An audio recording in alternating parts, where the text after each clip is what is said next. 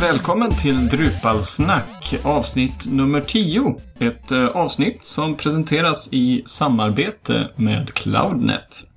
Med oss här idag, förutom mig, Adam Evertsson, så har vi Kristoffer Wiklund. Hallå, hallå. Och Fredrik Jonsson. Hejsan på er. Och idag har vi även en fjärde person med oss, en gäst. Och eh, det är Hannes eh, Liljekvist. Hejsan! Hej hej!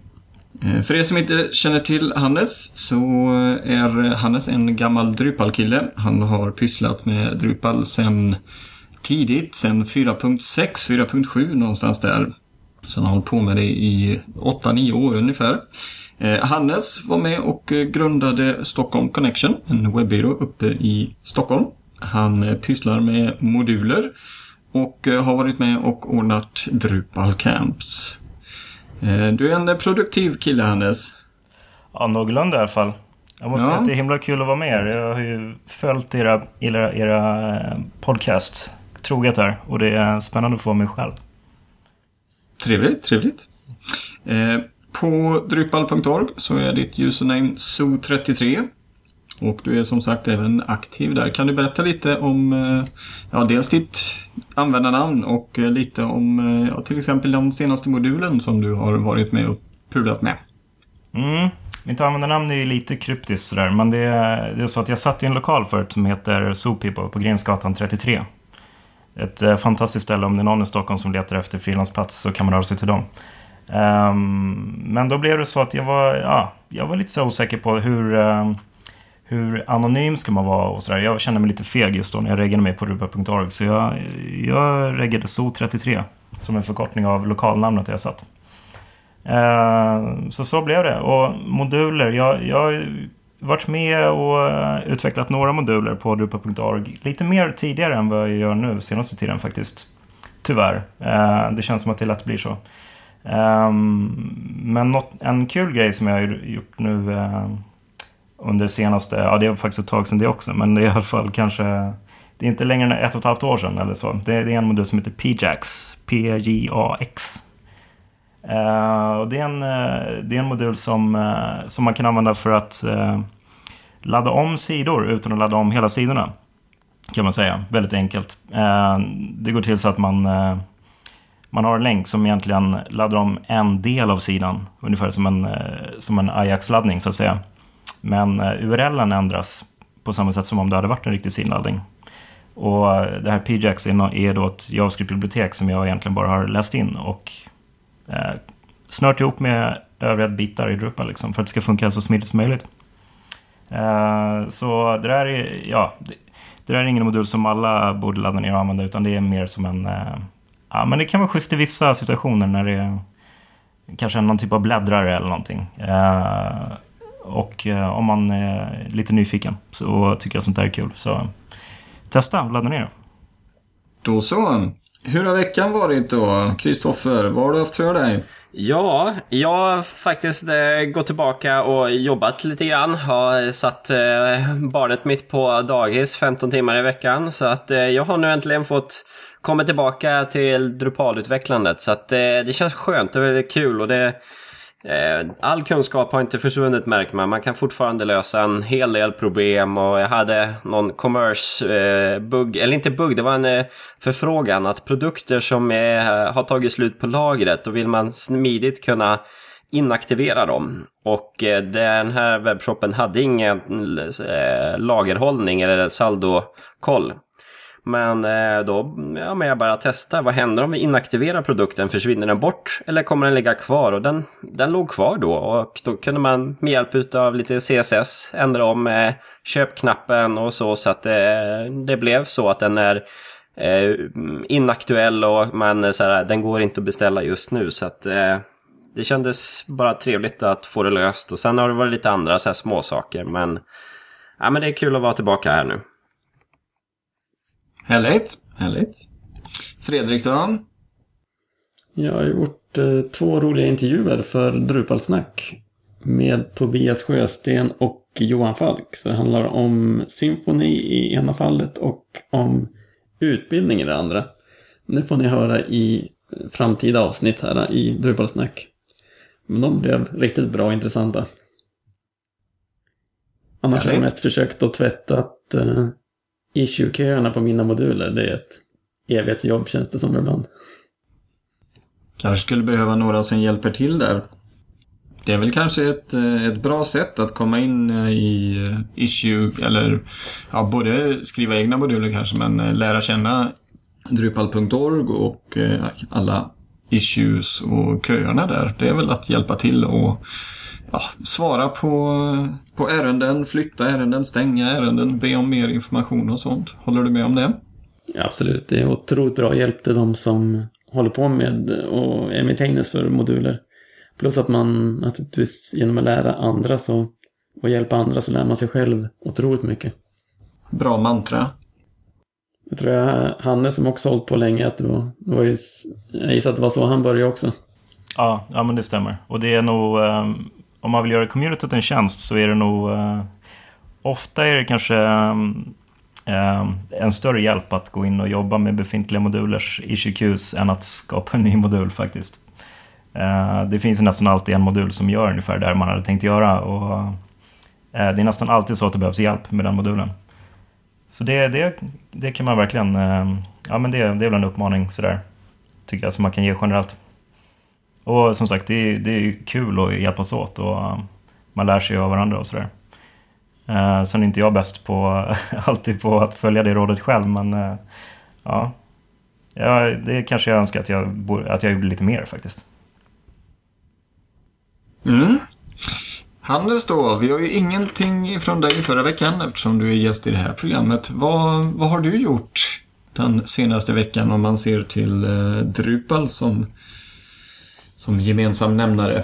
Ja, precis. Um, jag har... Uh, ska vi se. Eh, just med uh, Drupal så har jag kollat lite på uh, några kartfunktioner faktiskt för ett projekt. Och då har jag använt Leaflet uh, för första gången.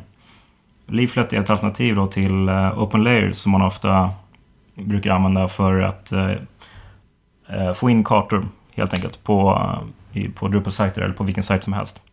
Det här är ju generella JavaScript-bibliotek som det finns moduler för i Drupal. Så OpenLayers är en äldre befintlig, eh, eh, rätt så här stor, eh, omfattande lösning som nu har fått lite konkurrens av Leaflet som är en, som det ofta är, liksom en en ny lite lätt, lättare variant sådär. Lättare i filstorlek och lättare kanske att börja med och sådär. Uh, det verkar himla smidigt. Jag har inte kommit så himla långt med det projektet men uh, jag ser fram emot att jobba vidare med det. Leaflet är ju relativt nytt om jag har förstått saken rätt. Jag har själv tittat lite på det i ett projekt men det har redan kommit många tilläggsmoduler utöver Leaflet. Så att vill man pyssla med kartor så eh, absolut. Leaflet är ett väldigt bra alternativ och som sagt det finns ett bra stöd i Drupal för det. Mm. Vad kul! Ja. Sen har jag gjort eh, eh, ett par andra roliga saker som inte är direkt eh, Drupal men jag har hållit på med ett projekt som är eh, som vi bygger i Ember.js som är ett eh, JavaScript framework och där har vi då Drupal som backend faktiskt. Så det är himla intressant. Eh, lite ny, nya områden sådär för mig. Um, och där hoppas vi på att det är någonting som kanske kommer ut närmaste veckorna. Faktiskt. Så det, det ser vi fram emot. Också lite um, Jekyll-jobb har vi hållit på med senaste tiden. Så det är också kul att, att liksom bredda sina horisonter lite grann. Eh, sådär. Man har sina Drupal-projekt och sen har man kanske andra grejer som, som man får utbyte av liksom, och gör att man faktiskt blir, eh, blir bättre kanske på Drupal-grejerna också tycker jag. Ja, jag har faktiskt också jobbat med lite sånt sidoprojekt där man eh, där vi har jobbat med en data som består av eh, 1,6 miljoner rader. Och eh, vår första approach var att lägga det i MySQL. Men eh, det blev lite svårt att hålla tiden så att vi skrev ett C-program och eh, det var faktiskt snabbare att generera upp de raderna, 1,6 miljoner rader, än att hämta ut dem i POP från MySQL. Så att eh, det gäller att välja verktyg efter vad man ska göra. Vi rör oss vidare i programmet och eh, vår, vårt huvudtema den här gången det är Drush. Eh, detta terminalverktyg som eh, de flesta som pysslar med Drupal på ett eller annat sätt använder eller i alla fall har mött eller kanske hört en session på, på, på någon Drupalcon eller Drupal Camp. Eh, själv eh, använder jag Drush mycket privat och eh, ännu mer i jobbet. Hur, hur är det med er? Hur mycket använder ni Drush? Vad säger du Hannes? Um, varje dag, hela tiden. Ungefär. Mm. Kristoffer, är Drush din bästa vän? Ja då, jag installerar på alla maskiner i princip. Så att eh, det använder jag varenda gång jag tittar på Drupal. Mm. Fredrik då? Får du sköna rysningar i ryggraden när du hör ordet Drush? Absolut, jag är en älskare av kommandoraden. Jag brukar säga att Drush är det bästa i Drupal efter Views. Där hör ni. Vi sätter ribban rätt så högt. Vi älskar Drush på alla sätt och vis. Hur, hur använder vi då Drush? Um, Hannes, vad säger du? Um, ja, det är ett väldigt, um, vad ska man säga, det är ett väldigt brett verktyg. Man kan använda det till, um, till väldigt många olika saker. Men uh, jag vet inte om man kanske ska börja med att säga liksom, vad är det för någonting? Uh, och då kan jag göra det kanske. tycker jag låter som en jättebra idé. Uh, och det är ju ett, det är ett terminalverktyg helt enkelt. Alltså att man, man kan skriva terminalkommandon för att interagera med en Drupal-sajt istället för att klicka runt i administrationsgränssnittet. Vilket ofta är mycket, mycket, mycket snabbare. Eh, och dessutom så gör det att man kan koppla ihop det, de här kommandona med andra kommandon i, eh, i terminalen. Eh, så om man, är, om man är vass på terminalen så kan man ha otroligt mycket nytta av Drush. Och om man inte är vass i terminalen så kan man också ha otroligt mycket nytta av Drush faktiskt. Eh, det räcker med att så här kunna lära sig att leta sig fram till sin eh, Drupal-sajt och knacka in de här. Ja, men man kanske lär sig två, tre kommandon och det är, det är tillräckligt för att det ska vara värt det tycker jag faktiskt. Och det man allra oftast gör, eh, tror jag gäller all, alla oss, det är väl att skriva drush cc all. Töm cachen helt enkelt. Medan man sitter och utvecklar ett tema eller en modul eller egentligen gör någonting, när man bygger någonting i Drupal så behöver man ju tömma cachen ofta. Och det, bara det där att liksom ha ett snabbt kommando som tar ungefär 3, 30 eh, millisekunder kanske att köra. Eh, åtminstone att köra igång, sen kan det ta ett tag för att och, och köra klart så att säga. Men eh, ja, det är väldigt mycket värt i alla fall. Vad säger ni andra? Precis. Mm, jo, jag håller med. Drush eh, CC eller Drush CC All var nog det första Drush-kommandot jag fick lära mig. Kristoffer, eh, Fredrik, eh, vad säger ni? Använder ni Drush eh, väldigt mycket under, i ert arbete? Ja, eh, jag använder ju väldigt mycket, ja men dels att tömma cachen men just också när man jobbar med sajter att ladda ner nya moduler och aktivera nya moduler. Det använder jag väldigt mycket för eftersom det oftast vet man vad modulen heter Eh, och då kan man bara sitta och skriva ner det hela. Man behöver inte surfa in på sidan och kopiera en länk eh, och eh, antingen eh, logga in på Drupal-sajten eller titta på FTP och flytta filer. Utan det är ett kommando och sen så eh, är man i princip igång och kan eh, använda modulen. Så att eh, det använder jag väldigt mycket. Och eh, jag tycker det är ett väldigt bra kommando. Och det jag har gjort också för att spara ännu lite tid här nu.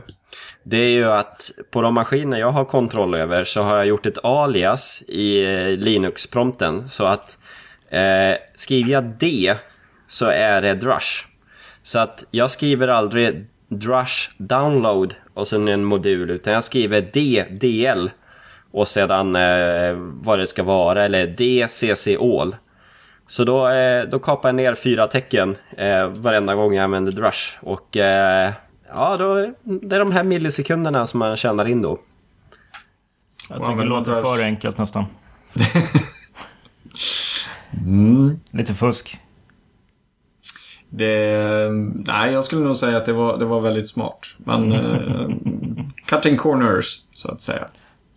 Uh, att göra egna alias i uh, i Linux eller i terminalen eh, tillsammans med Drush och eh, övriga terminalkommandon. Eh, blir man riktigt bra på det så kan man ju göra otroligt mycket i terminalen väldigt, väldigt snabbt. Eh, och vi kommer lägga upp eh, de vanligaste, eller de kommandon i Drush som eh, vi berör och pratar om kommer vi att lägga upp på vår hemsida drupalsnack.se under eh, våra show notes för eh, det här avsnittet också. Så att eh, när ni har lyssnat färdigt på den här podcasten så kan ni surfa in där och eh, förkovra er i dessa kommandon. Fredrik då, eh, en av de eh, kommandon i Drush som du har listat som vi ska ta upp här idag det är ett som heter Drush DRE. Det här var helt nytt för mig och jag tänkte att du skulle få berätta om det. Ja, sagt, jag kör ju väldigt mycket de kommandon som ni redan har radat upp. Eh, CC-Wall, den vet jag inte hur ofta man kör varje dag. Både på lokalt och ute på de servrar man har hand om när man pushar ut ny kod och sånt. Men den här DRE, det är eh, Developer Reinstall. Det kommer från Devel-modulen. För att, eh, förutom att Rush då kommer med massa egna kommandon så kan man bygga in kommandon i moduler. Och då finns det en lång rad moduler som är gjort. Eh, bland annat då eh, Devel-modulen. Och den här, eh, det DRE-kommandot gör det är att den tar en modul som man har installerat och aktiverat. Och så tar den och avaktiverar den. Avinstallerar den. Och sen aktiverar den igen. Och det här är ju otroligt smidigt man sitter och håller på och eh, utvecklar en modul och håller kanske på att testa installationen av den. Eh, för det här går ju naturligtvis att göra i webbgränssnittet. Men det tar ett gäng sekunder varje gång och behöver man göra det då hundra gånger på en dag Mm. Så är jag tar... Då kan man tröttna rätt rejält på det där. Ja. Mm. Eh, så det här DV-kommandot, den, den, den kör tre vanliga Drush-kommandon. Alltså uh, Drush Disable, Drush PM Uninstall och så Drush Enable i rad. Mm. Du nämnde Devel-modulen. Eh, krävs det att man har den nedladdad och installerad för att använda just det här kommandot eller ligger det i Drush? Nej, det är så att man, eh, när man laddar hem en modul som har eh, Drush-integrering till sin sajt, då, så fort man har den modulen installerad, då finns de Drush-kommandona tillgängliga för den webbplatsen. Mm, så man bygger ut Drush kan man ja. säga.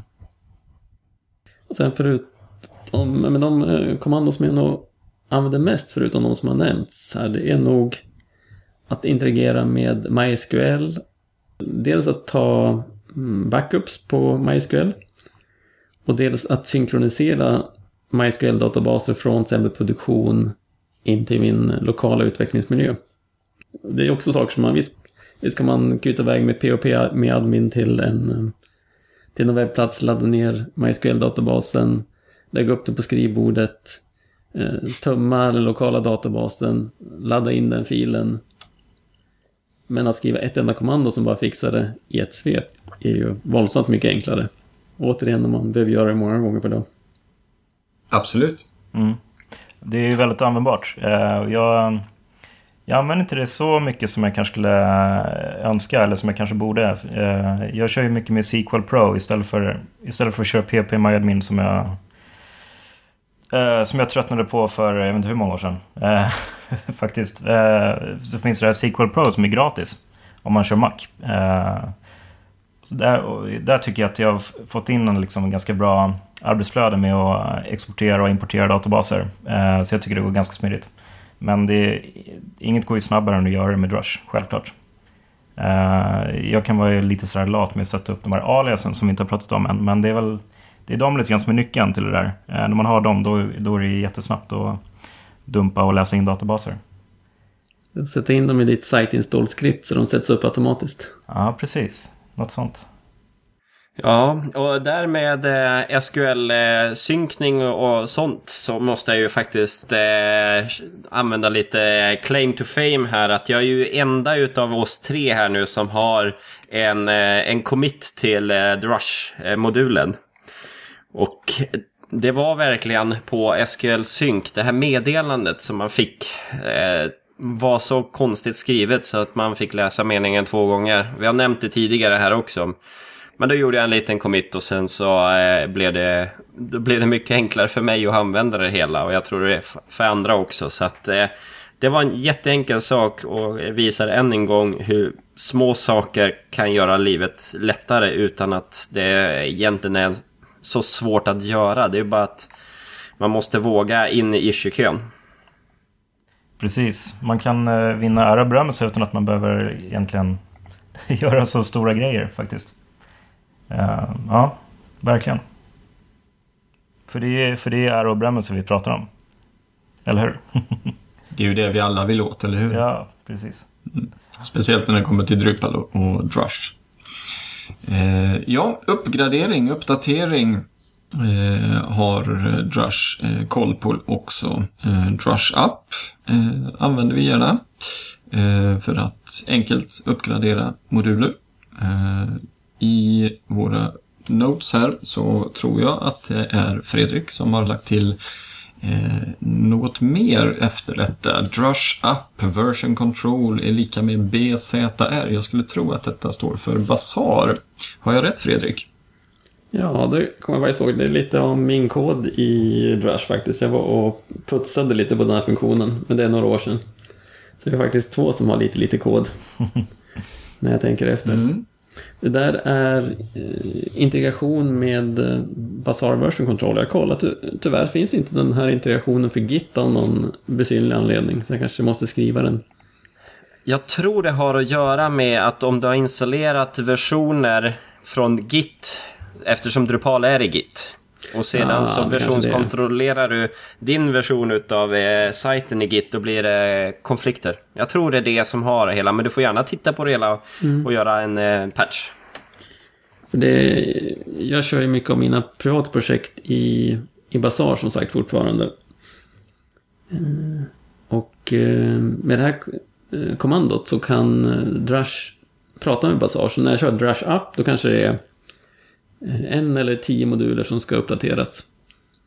Och med det här kommandot så kan, jag, kan Drush instruera Bazaar att eh, automatiskt köra commit på de här uppdaterade modulerna. Så att varje eh, uppdaterad modul får ett eget commit med ett snyggt commit-meddelande. Och den lägger till nya filer och sånt där automatiskt. Så har man tio nya mm, Tar man tio moduler som behöver uppdateras så gör man Drush app och så är det version control allt det. Och så svarar man bara ja på frågan och så tjong har man tio nya commit message snyggt ordnade, en för varje uppdatering av modulen. Och om något inte funkar sen så är det bara att du backar tillbaka, eller hur? Ja, den kör revert på dem bara, så att, eh, och då använder den Bazaar igen, så att det ja. fungerar klockrent.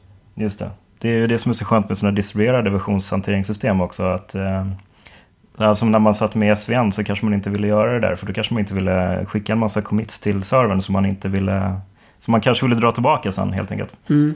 Uh, men med Git eller Bazaar så kan du ju committa hur mycket du vill och sen bestämmer du i slutändan vad du faktiskt vill pusha till servern.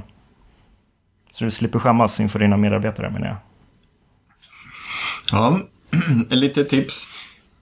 En annan Drush App-kommando som är rätt eh, tjusigt är att köra Drush App Drush. Man kan, eh, Drush kan uppdatera sig självt.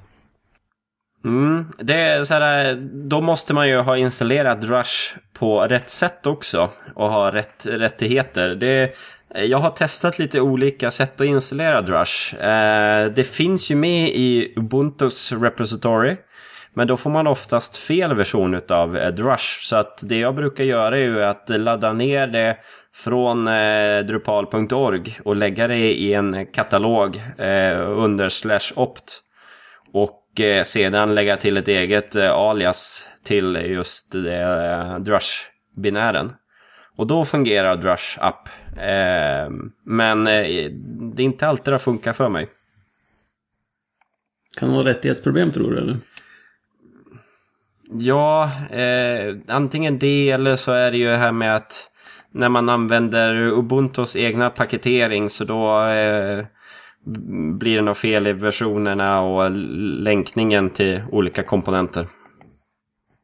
Så att mitt tips är ju att ladda ner det manuellt och lägga det i en katalog. Då har det varit mer stabilt och det är mycket enklare att hålla sig uppdaterad. Ja, Drush är egentligen inget man behöver installera eh, för hela systemet att säga på en Linux-miljö eh, kanske.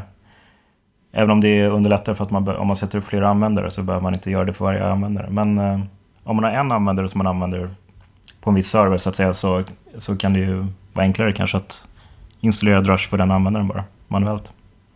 Du behöver inte fråga någon om lov heller. Nej, precis. Hur, eh, hur har ni gjort Fredrik, Hannes? Ligger de, eller Fredrik, du sitter ju på Mac om jag minns rätt. Ligger, um, ligger Drush i en egen katalog eller hur har, hur har du gjort? Ja, jag bara kör såna grejer i en eh, source-mapp i min hemmamapp. Uh, och sen har jag bara alias i bin-mappen. Mm. Hannes, hur gör du?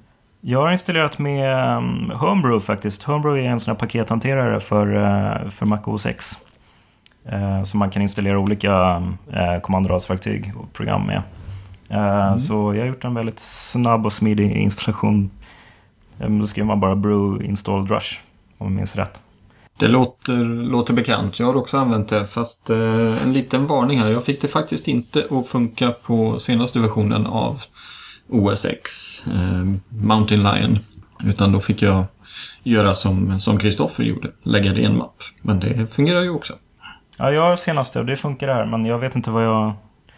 Om, det är lätt sådär när man eh, har haft problem med någonting och lyckats lösa det så glömmer man bort att man någonsin haft några problem.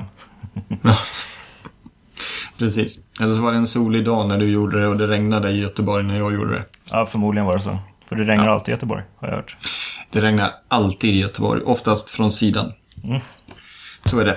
Yes, vi går vidare. Lösenord för uh, olika användarkonton är ju bra att ha och uh, det finns ett jättebra kommando, uh, två till och med, i Drush för att ändra de här. Eh, jag eh, använder ULI, Drush ULI, eh, ofta eftersom jag aldrig kommer ihåg det andra. Det andra lite längre är Drush UPWD, Update Password. Och så följs det av användarnamnet man ska ändra. Följt av lösenordet. Återigen, vi lägger detta i show notesen. Brukar ni använda Drush ULI eller kör ni det här lite längre? Det som jag har problem att komma ihåg med. Vad säger du, Hannes? Nu missar jag faktiskt. ULI, vilket var det? För jag, jag tror inte jag brukar köra just ULI. Nej, eh, jag kanske ska förklara skillnaden där. Eh, Drush UPWD, då ja. ändrar man lösenordet direkt i databasen. Drush ULI, då får du en URL ah, eh, som du kan, sen klistrar in och så får du en engångsinloggning. Eh, och så landar du på din användarprofil och kan lägga till lösenordet där. Just det, ja, det är nog därför. Jag, för jag, den har jag bara använt enstaka gånger. Utan jag brukar använda UPWD. Eh, för det mesta. Eh, eller så fort jag egentligen har ehm, laddat ner en live-databas kanske och ska jobba med den lokalt så bara sätter jag lösenordet till något som jag kommer ihåg istället för det här krångliga som man har på produktionssajterna. Precis. Men där, just med det här eh, uppdaterade lösenordet, där undrar jag lite grann varför, varför man anger lösenordet på kommandoraden istället för att man får en prompt som det är nästan alla Ehm, alla terminalverktyg överhuvudtaget sådär, i Unix-miljö. Jag vet inte om ni har några tankar om det där? Det var en väldigt bra fråga. Har ni några tankar om det, Kristoffer, Fredrik? Ni, ni, som har varit med och byggt upp Drush. Våra två rader. Kanske för att kunna skripta det lättare. Man, det är inte tänkt att man... Det är ingen som reflekterar att man ska sätta några riktiga lösenord med det här. Utan det är just som du sa Hannes, att man man drar hem en databas, ska man utveckla på den och så vill man bara sätta något lösenord så man kommer in lokalt. Ja, det är riktigt. Man behöver inte ta några direkta säkerhetshänsyn här kanske. Eh, men jag tror att vi är många liksom, Unix-kommandon så kan man göra både och eller antingen eller. Mm. Liksom. Mm. Ja, det kanske är upp för en, en issue på det. Men jag tror det kan vara det att i POP kan det vara lite svårt att ta in saker från eh, eh, prompten. Det går ju att göra, men det är ju inte lika fin kod som att ta det som ett argument och färdigt. Så kan det vara, precis. Mm. Jag tänkte prata om att installera. Jag var för våra kära lyssnare som kör Windows, och det gör ju du också Kristoffer, så finns ju en Drush Windows Installer. Om man går till drush.org så finns det en sida med där man har all dokumentation och sånt. Och klickar man på tabben Resources där så finns det en installerare just för Windows. Och Drush 5 ska ju fungera riktigt bra i, i Windows. Ja, jag, jag utvecklar ju inte i Windows. Jag har ju ingen webbserver där utan jag sitter ju oftast mot en eh, Linux-server. Det jag har läst bara om just den här Windows-versionen, det är att den kan strula lite grann med Acquia Dev Desktop. Eh, och eh, då är det egentligen, eh, sådär, det har nog att göra med att Dev Desktop, där ingår Drush. Så att eh, då behöver man inte installera det och det, är, jag för mig om det var någon sån distro också som det strulade med. Så att eh, jag skulle, sitter du på Windows skulle jag nog mer rekommendera att bara köra eh, Aquias Dev Desktop. Då får du allt paketerat och klart. Um, för där ska det eh, ingå då helt enkelt. Mm. Fick vi höra det också där. Eh, vi går vidare. Eh, nästa kommando, Drush-kommando, är Drush FUA. Och och eh, det här har jag personligen aldrig använt eh, och eh, jag vet varför. Men eftersom det inte är jag som då har lagt till detta så lämnar jag över ordet till den som har bidragit med detta och som själv ska förklara hur man kan använda detta och varför. Vem kan det, vara? Var, det var nog jag det. Det är Features-modulen har väldans trevligt eh, drush-stöd och det är ganska ofta att man vill eh, man behöver uppdatera sina features för att kunna committa det till kod och trycka ut det till testservrar och sånt. Och då kan man, vill man då uppdatera alla features, vilket jag ofta vill göra, då kan man skriva just Drutch FUA, Feature Update All. Och chans har man uppdaterat eh, alla sina features. Man kan också skriva bara Features Update så namnet på den feature som man vill uppdatera. Om man som jag inte kommer ihåg riktigt vad featuren heter så kan man skriva Drush FL. Just det, så får man en lista på alla features ja. Ja, precis. Och då kan man eh, kopiera namnet som man inte kommer ihåg och så. Mm. Sen kör man. Just det. Och så motsatsen, eller man ska säga till det där, är väl eh, FR istället för FU. Så, eh, så kör man en revert på featuren från det man har i koden in i databasen så att säga. Mm. Så det kan ju också vara smidigt ifall man går åt andra hållet på något sätt och eh, får en eh, koduppdatering som man vill liksom, eh, applicera då på sin lokala databas. Eller man behöver, eh, vill köra på till testservern någonting där man har tryckt ut koden precis. Mm. Mm. Utöver eh, de kommandon som vi har gått igenom nu så kan man ju även använda Drush för att generera moduler, eh, grundmoduler, lägga till hooks. Eh, men eh, man kan också pyssla med temalagret lite grann. Eh, Drush sen Drupalsnack har fyllts i här i våran lilla lista. Eh, är det du Kristoffer eller Hannes eller Fredrik som har lagt till den? Det var nog jag igen det. Sen-modulen har ju också Drush-stöd. Alla coola moduler har Drush-stöd, kan jag ju bara säga. liksom, det är kriteriet för att vara cool. Eh, och det är helt enkelt att man, ett väldigt enkelt snabbt sätt att skapa ett nytt eh, subtema. Man skriver bara Drush, sen och så vad man vill att temat ska heta. Och när vi startade drupalsnack.se så skapade jag för oss ett tema som heter Drupalsnack. Då skrev jag Drush, sen Drupalsnack och så pang hade jag ett färdigt subtema. Istället då för att kopiera och namna om och eh, se till så att allt hamnar rätt i alla filer. Hur, eh, hur många minuter tror du att du sparade där? Ja, det är oräknbart. det låter ju bra. Alltså, ofta handlar det inte om... Också. Det handlar inte också bara hur många minuter man sparar utan hur man håller sin koncentration flytande. Mm. Sen, det är sant. Saker som distraherar och som som blir irriterad. Åh, nu måste jag göra det där igen. Åh, nu måste jag vänta på det där. Så det är vissa irritationsmoment som man med bra verktyg som Drush kan få bort. Och så kan man allt det där tråkiga bara trycka man iväg och så kan någon, det här skripterna få göra det och så kan man koncentrera sig på det man egentligen ska göra. Precis, precis. Alla coola moduler har Drush-stöd. Hur, eh, hur ser det ut med Colorbox och eh, PJax? Uh, ingenting på PJax. Jag Eh, vet inte exakt vad det skulle vara för någonting faktiskt, så här på rak arm. Men det, det finns säkert något, något use case för ett litet eh, Drush-kommando, säkert. Installera jQuery-pluginen. Ja, självklart. Absolut. Det är det jag gör i Colorbox, att man kan skriva Drush Colorbox plugin och så installeras Colorbox pluginen senaste versionen på rätt ställe och fixat det klart. Ja. Bara för det nu när vi pratar om PJax, nu kommer jag på att det finns ju, eh, man ska inte ladda ner den bara eh, senaste versionen och köra utan det, ju, det, finns ju faktiskt problem med den. Eh, så man måste kolla lite issue-kön där faktiskt. En parentes, men om, om det är någon som gör det så eh, eh, kolla lite på, jag tror att jag skrev det på projektsidan där också att eh, OPS, gör så här. Det, det handlar om senaste versioner av PJax och så vidare. Mm. Mm. En liten parentes där som sagt. Eh, vi får lov att återkomma till Hannes om säg eh, ett halvår för att se ifall PJax har kommit in på den coola listan som använder Drush på ett eller annat sätt. Och eh, med det så avrundar vi eh, det här lilla segmentet om Drush. Eh, vi hade kunnat fortsätta prata om detta i åtskilliga timmar säkert. Men hoppa in på Drush hemsida för mer information. Ni hittar länkar och sånt i våra show notes. Och är du ute och kör bil så får du vänta tills du kommer hem. Helt enkelt. Då så, vi går vidare här och eh, nu ska jag lämna över ordet till eh, min kollega Kristoffer som ska prata om något som ni fick en liten eh, vinkling om i början på programmet. Men här ska ni få lite mer information. Kristoffer?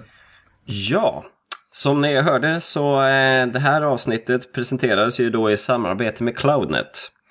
Och eh, vad det här innebär är att vi har nu öppnat upp för sponsring i, i Drupalsnack. Och eh, det hela är, så här, det är någonting vi har tänkt på men eh, Cloudnet var faktiskt före oss och kontaktade oss och eh, sa att eh, de skulle gärna vilja bidra till eh, Drupal-communityt och att sponsra en podcast, det var ett steg i det. Och Eh, då har vi i Drupalsnack eh, stött och blött och funderat och så för börjar man blanda in pengar eh, i en verksamhet då kan det bli problem. Men våra tankar kring sponsring är att det ska inte vara det ska inte vara huvudsaken. Vi pratar här för att vi tycker det är skoj. Sponsringsdelen möjliggör att vi kan betala för hosting och eh, även mickar och annan utrustning och eventuellt programvara eh, för att göra podcasten bättre. Och även kunna, eh, ja men, kunna eh, vara med eh, och vi kan marknadsföra Drupal och i olika sammanhang. Så att därför så tyckte vi det var okej okay att ni får utstå lite reklam. För i det stora hela så tror vi att det kommer att bli bra. Och det vi, vår tanke kring sponsring är att de vi väljer in och eh, som får vara med och sponsra, det är sådana som har produkter som vi kan tänka oss använda eller som vi använder. Och det ska ju ha kring Drupal att göra.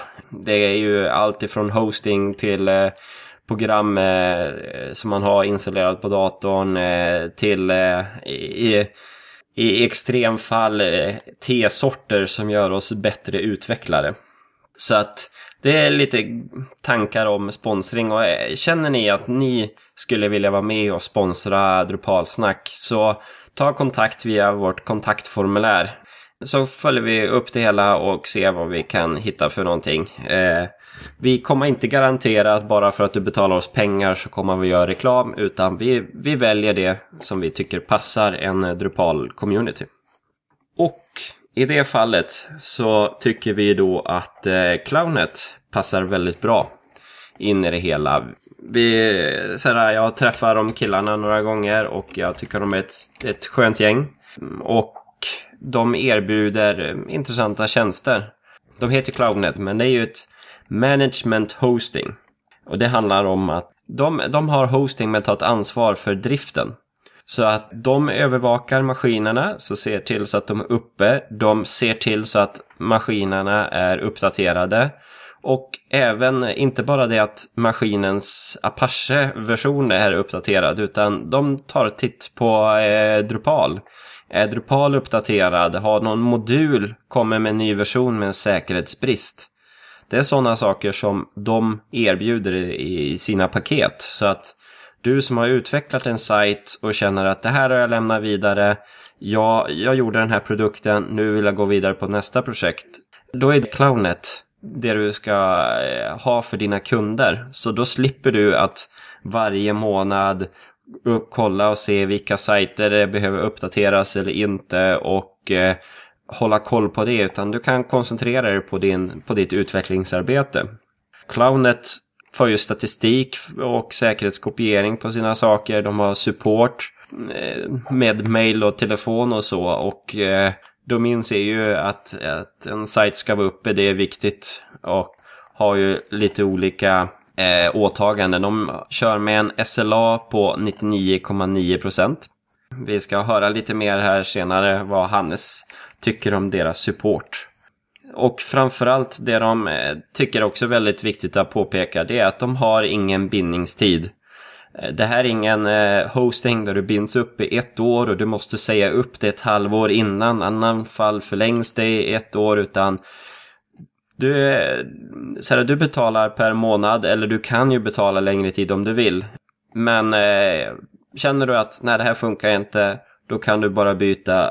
Därför eh, de tror på sin tjänst och är inte du nöjd, då ska inte du bli lurad och stanna kvar utan då är det lika bra att eh, man gör en schysst deal och då får du gå. Men samtidigt så är de så pass trygg i sin tjänst så att det, de tror inte att du kommer att lämna dem. Och vad jag har hört hittills, jag har inte min server där än, men vad jag har hört hittills så, så är jag framförallt också intresserad av att testa. Och du, vill du vara med och testa deras tjänster så kan du sätta upp en eh, testsajt och eh, få testa att komma igång med det hela. Och när du då gör det hela, de har ju ett formulär på sin hemsida där du kan eh, beställa alldeles under deras fyra olika paket. Då kan du som kommentar skriva med att eh, du har en kampanjkod och det är Drupalsnack 5. Och eh, det är bara för att vi ska kunna få se lite feedback på eh, eh vilka är det som beställer, vad har vi för spridning och eh, det ger oss lite, lite cred för, för annonseringen också. Så att, använd gärna Drupalsnack 5 som eh, kampanjkod så eh, blir vi jätteglada här i Drupalsnack. Då stödjer du oss också. Men då har vi ju eh, våran eh, gäst för kvällens avsnitt, Hannes. Du har ju en hel del kontakt med Clownet. Vad tycker du om dem? Jag tycker bra om dem. Jag, jag tycker som du att de är, de är ett trevligt gäng och det känns som att de, det är verkligen det här med att man känner inte att man binder upp sig på en tjänst som man eh, kommer få svårt att krångla sig ur. Utan man, man, eh, man stannar snarare kvar för att de eh, gör livet lite lättare. Sådär.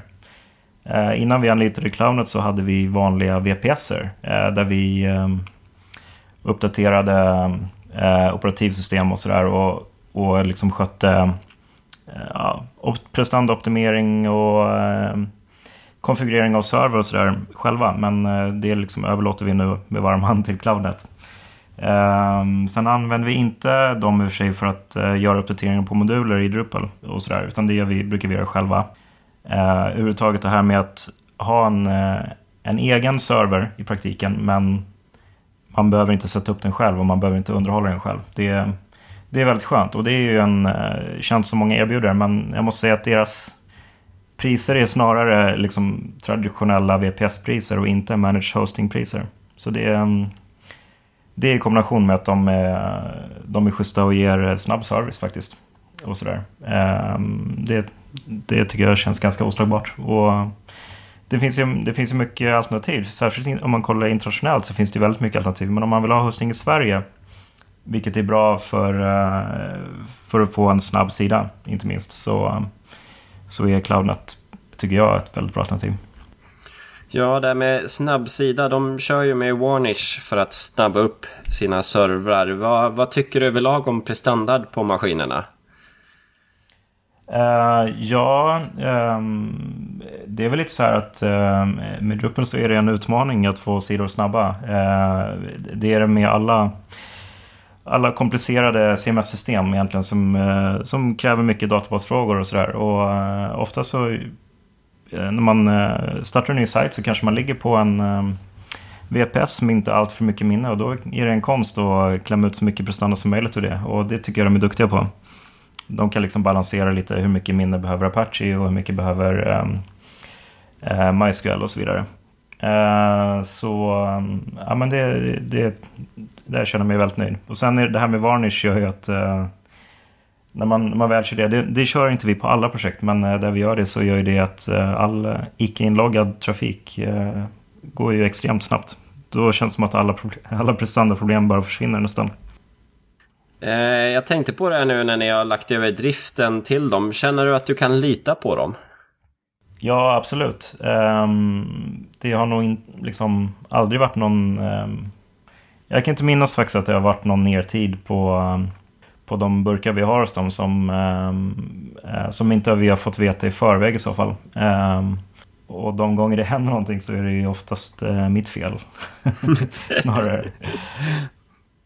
Ja, eh, nej men eh, som sagt, eh, jag, känner mig, jag känner mig nöjd. Ja, så vad tycker du nu om att vi har tagit in dem som sponsor? Var det rätt beslutet av oss? Nu är vi lite självkritiska här nu, men vi kan ta det. Ja, jag undrar lite vad ni ska göra med alla pengar. Jag tycker ja, nu eh, får man hålla ögonen öppna så inte ni plötsligt börjar sända från någon medelhavsö eller sådär. Men eh, bortsett från det så tycker jag att det var rätt, eh, ett, ett bra val.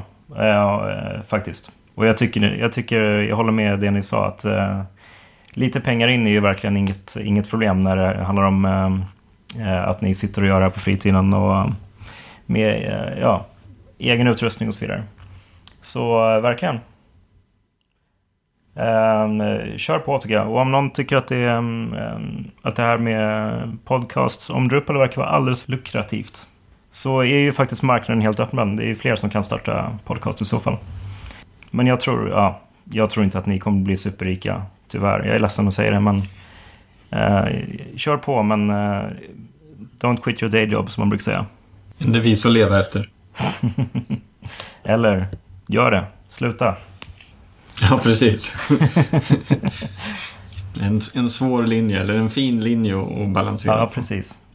Ja, men eh, det var det om clownet. Nu tycker jag det är dags att gå vidare i programmet här nu. Adam, vad säger du om det? tycker jag är alldeles korrekt. Eh, vi ska försöka hålla oss till en timmes eh, Drupalsnack här idag och i eh, fortsättningen. Eh, så att vi inte eh, pladdrar på för mycket och för länge. Eh, nästa segment som vi har det är eh, Drupal-nyheter. Eh, vår man i etern, eller rätt sagt vår man på Drupal Planet, är ju du Kristoffer. Det är du som brukar komma in med de flesta nyheterna. Du har koll på vad som händer där ute. Och eh, jag lämnar med varm hand över ordet till dig. Vi lägger upp alla länkar i show notesen, eh, så därför tänker jag inte gå så djupt i dem. För att det är ju en del länkar som jag får fram. Eh, vi ska börja med lite Association-nyheter eh, därifrån Drupal Association. De eh, la upp ett eh, officiellt blogginlägg eh, från 17 april här nu.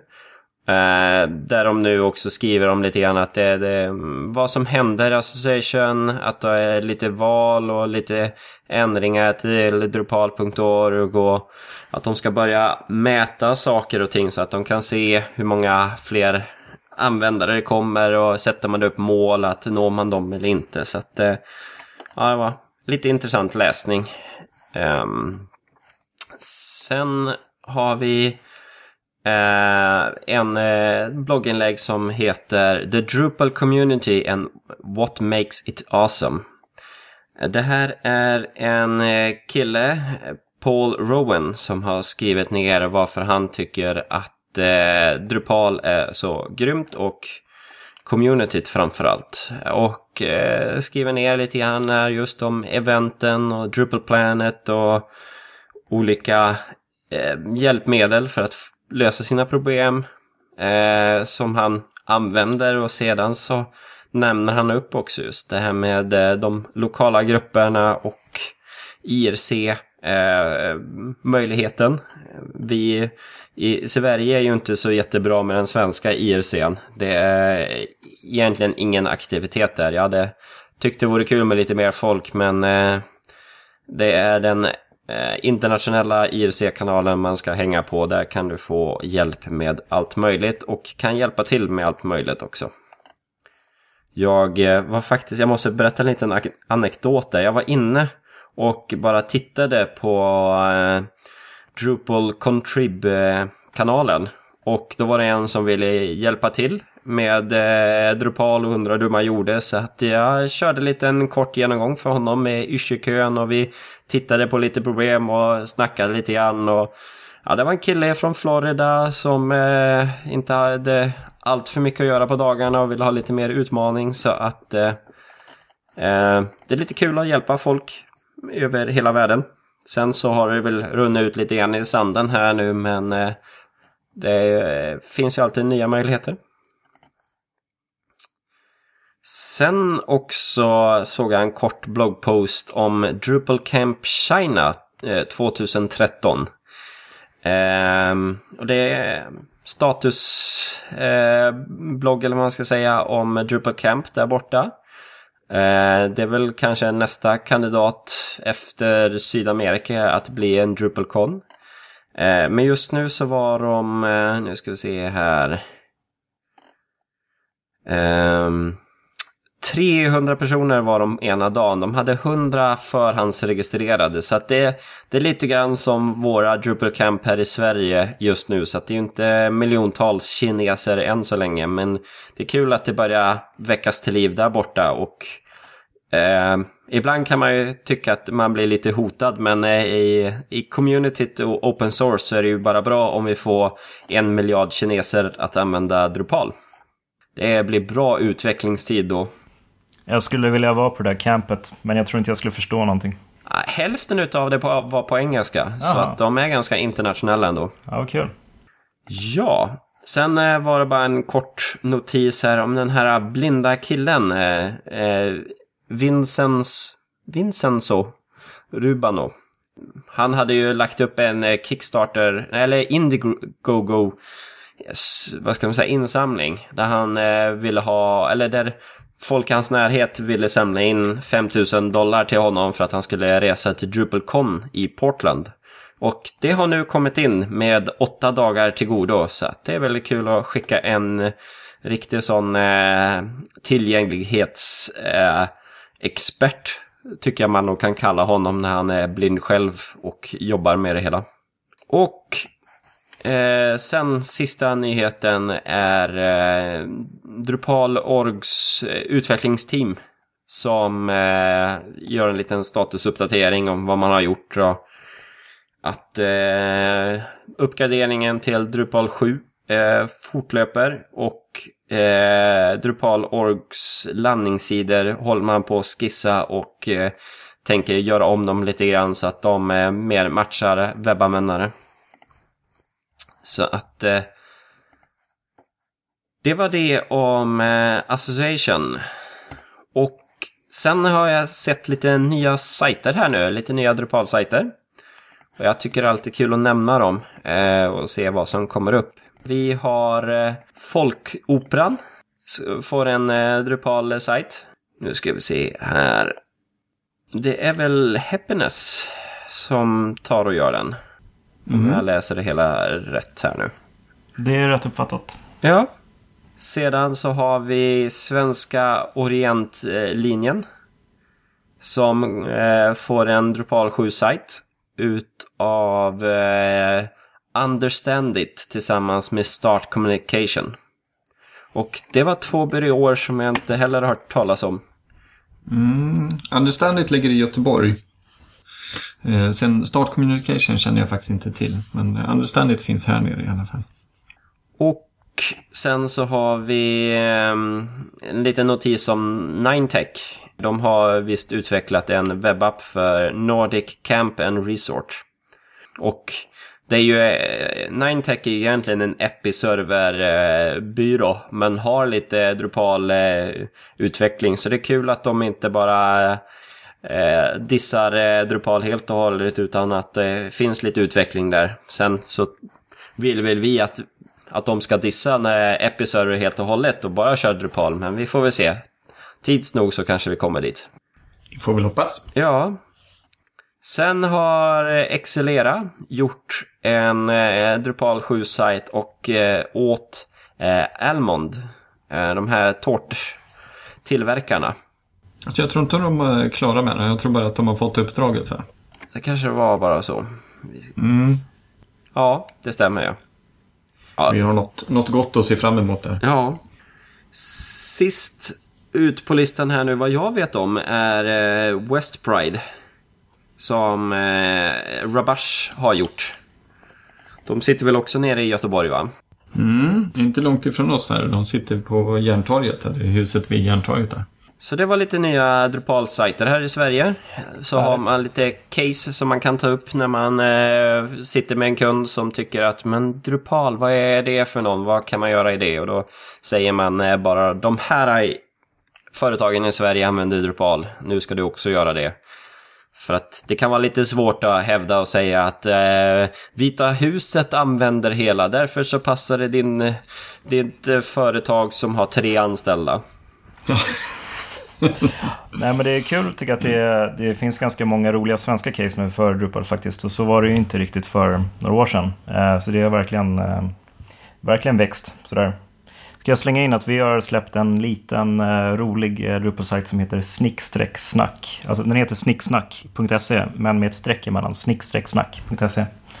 Det är en liten uh, det är en kommunikationsbyrå, uh, deras egna sajt. Och den är, jag tycker den är lite kul för att den har ett lite annorlunda gränssnitt. Den har inte det vanliga nyhetsflödet utan den har eh, en, um, vad ska jag säga, vad heter det? Uh, Isotope heter det, det är JavaScript-biblioteket vi har jobbat med här. Som, uh, som gör om layouten. Uh, så man provar att klicka på de här olika, uh, olika menyerna så är de i själva verket bara filtreringen av det vi ser på startsidan. och då flyttas, flyttas layouten om liksom. så det är också bara ett exempel på att man kan göra någonting, man kan göra något lite annorlunda. Mm. det var väldigt roligt när vi byggde. Ja, nej, men det blev väldigt schysst tyckte jag. Vi har tittat på det upplägget för några kunder också, men vi har inte kommit dit med de kunderna än. Men mm. eh, jag tycker det, ja, det är ett schysst upplägg. Den här, ni har gjort det bra här måste jag säga. Ja, men tackar. Mm. Så det fanns ja, någon liten uh, brist fortfarande på um, någon mobilversion tror jag. Men uh, vi, uh, vi jobbar ju vidare med, med det där. Det var säkert eh, Android 1.2 eller något sådant. Ja, det var någon stackars iOS-version också tror jag. Men eh, ja. det kan vara löst nu faktiskt. Sådär, sådär. Jag hörde på jobbet idag att Android 2.2 någonting, det var Internet Explorer 6 för mobiler. Mm. Så att eh, den, den Android-versionen ska vi akta oss för. Tack så mycket Kristoffer. Eh, med det har vi faktiskt eh, nått vägs ände för dagens Drupalsnack. Vi hoppas att ni har haft en trevlig timme tillsammans med oss, att ni har fått upp ögonen för Drush Eh, allt annat som vi har pratat om. Ett stort tack till dig Hannes för att du ville medverka. Tack så mycket, det var himla kul. Eh, jag glömde nämna, eh, bara där när jag berättade vad jag håller på med i communityt, det, jag gjort mest senaste tiden, det är ju arrangera Drupal Camp i Stockholm faktiskt.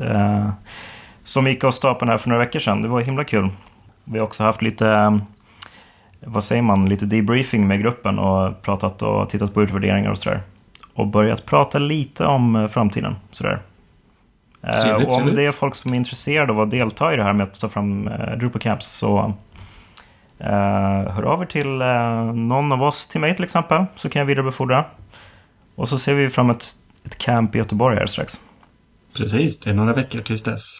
Vi får uh, mer anledning att återkomma både till Drupal Camp Göteborg och kommande Drupal Camp uppe i vår kära huvudstad, huvudstad Stockholm. Med det tackar vi för oss. Adam heter jag, Kristoffer. Ja, tackar så mycket för idag. Tack, och tack. eh, vi, vi får säga tack för Fredrik som eh, på grund av tekniska problem eh, fick lämna oss eh, lite i förtid här. Eh, men han finns med i nästa Drupal-snack som kommer om ett par veckor.